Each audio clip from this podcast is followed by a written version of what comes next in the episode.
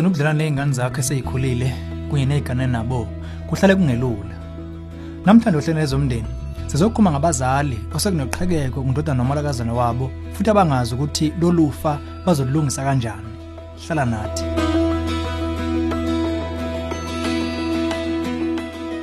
Angiphinde ngibingelele emlaleli. Ezomndeni uhlelo lulethe izeluleko eziphathekayo ngaba ka focus on the family. Sithola umbuzo kumama okhungathekileyo. Singabugcina kanjani ubudlelwane nondodana wethu? Uma kungukuthi umakoti wakhe usevale bonke ubudlelwane nathi. Isimo lesi esesibe kuso iminyaka kanti kusiphula inhliziyo. Sesibacela kaningi ukuthi babhoboke sabona ngani zesilungise la esabona khona. Kodwa basho lutho bacacisa obala indlela abafuna siphile ngayo nathi sifuna ukuyihlonipha.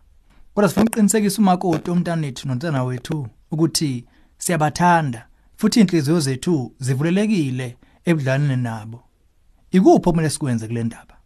Kumele uyibuze imibuzo ngokwethembeka ukuthi nebala konke lokhu kwaqala kanjani? Kungakhathalekile sekube nesikhathi eside kangakanani kodwa kunaso isiqalo sakhona. Zama ukubuyela emumva uyocinga lo msuka owenza ukuba umakoti wakhe ayikhiphe kuwe. Yisi siqu leso kumele uqale kuso leso kuqala. Kungani sisho lokho ingoba sesiqaphelile ukuthi izinto ezinjena zenzeka ngezathu. Leso sizathu kusanokwenzeka kube ukhixizisana okwenzeka noma ngakukhona kumbe kusemcabangweni nje. Kusengaba iphutha lakho kusengaba inkinga kamakoti wakho kusenokwenzeka futhi ungabe lutho nje ngaphandle kokuthi ibhadi lokuthi anitholani nje. Okusemqoka uyibuza ukuthi uphume kanjani la ukhona namhlanje? Lokho kuzokupha amacebo acebile eqede ubone ukuthi ikuphi okumele ukwenze. Ungakwesaba ukubhana ukuthi kusenokwenzeka ukhona owakwenza. Kungakhathalekile kukhulu noma kuncane noma wakwenza ungaqondile. Kusenokwenzeka uneyinkinga zokulawula kumbe naziphi na ezinye ezingobudlelwane simelwe ukuxoxa ngosizo lomeluleki okufundele ze ulapheke nguwe sesikhaleni sokwazi kangcono. Uma kukhona okwaziyo kwalolu hlobo kwezobudlelwane bakho nomakoti wakho sicela ubaphi ithuba kuba bemukele uxoliso lwakho bese bakuthethelele. Lokhu kusengayilungisa inkinga kodwa kuyinto enhle ukuyenza kulethe uguquko luhle yebo nebala kunesikhisi lapho esidinga ungeqiwa kodwa sichazwe. Kusenokwenzeka futhi ukuthi kawenzanga lutho sanhlobo ukuba ubusungaze udediswe kubo. Abanye bayashesha ukukhubeka abanye futhi baye babone boniwe kube kungekho lutho nje.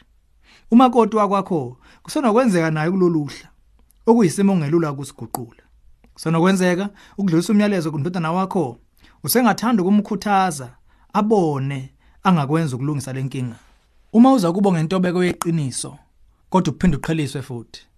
Usengafika ekutheni umukele isimo sinjoba sinjalo futhi uqonda ukuthi awunakusilungisa okwamanje nakho okuthathu ongakwenza ukuyigcina nokuthula nenqondo izolile kuyena nembeza wakho umsulwa. Okokuqala uhloniphe umngcele ndodana wakho noma kodwa kwakho asebeyixamile ngisho ngathiwa uzwela kanjani ngayo. Okwesibili qapha inhliziyo yakho. Kusengalula ukule ngcindezini nasekukhathazekeni kumbe uyishaye wena uyibeka icala ngalokho okwenzekileyo ungangeni kulowo noxhaka. Ungabi munci enhlizweni ungakholwa ngamanga akwenza uzizwe ungelutho. Okwesithathu uma izimo zivuma thumela indodana nomakoti wakwakho amazwi othando nokuhle kodwa njalo njalo ngonyaka. Kusengaba ukhisimusi bathola izilokotho zakho aqaphe amathuba akuvumela ukuveza uthando lwakho kubona ngendlela eziningi okusemqoka uhlale emthandazweni ungaphezi. Kumthandazo wethu ukuthi ngongenelelo oluhle ubudlane benu bubuyisele esimeni qede bukhule bungaphezi. Lolu hlelo ezomndeni ulethulelwe yifocus on the family sihlangabezwa hlelo luzayo sesihlabelisa phambili umndeni wakho.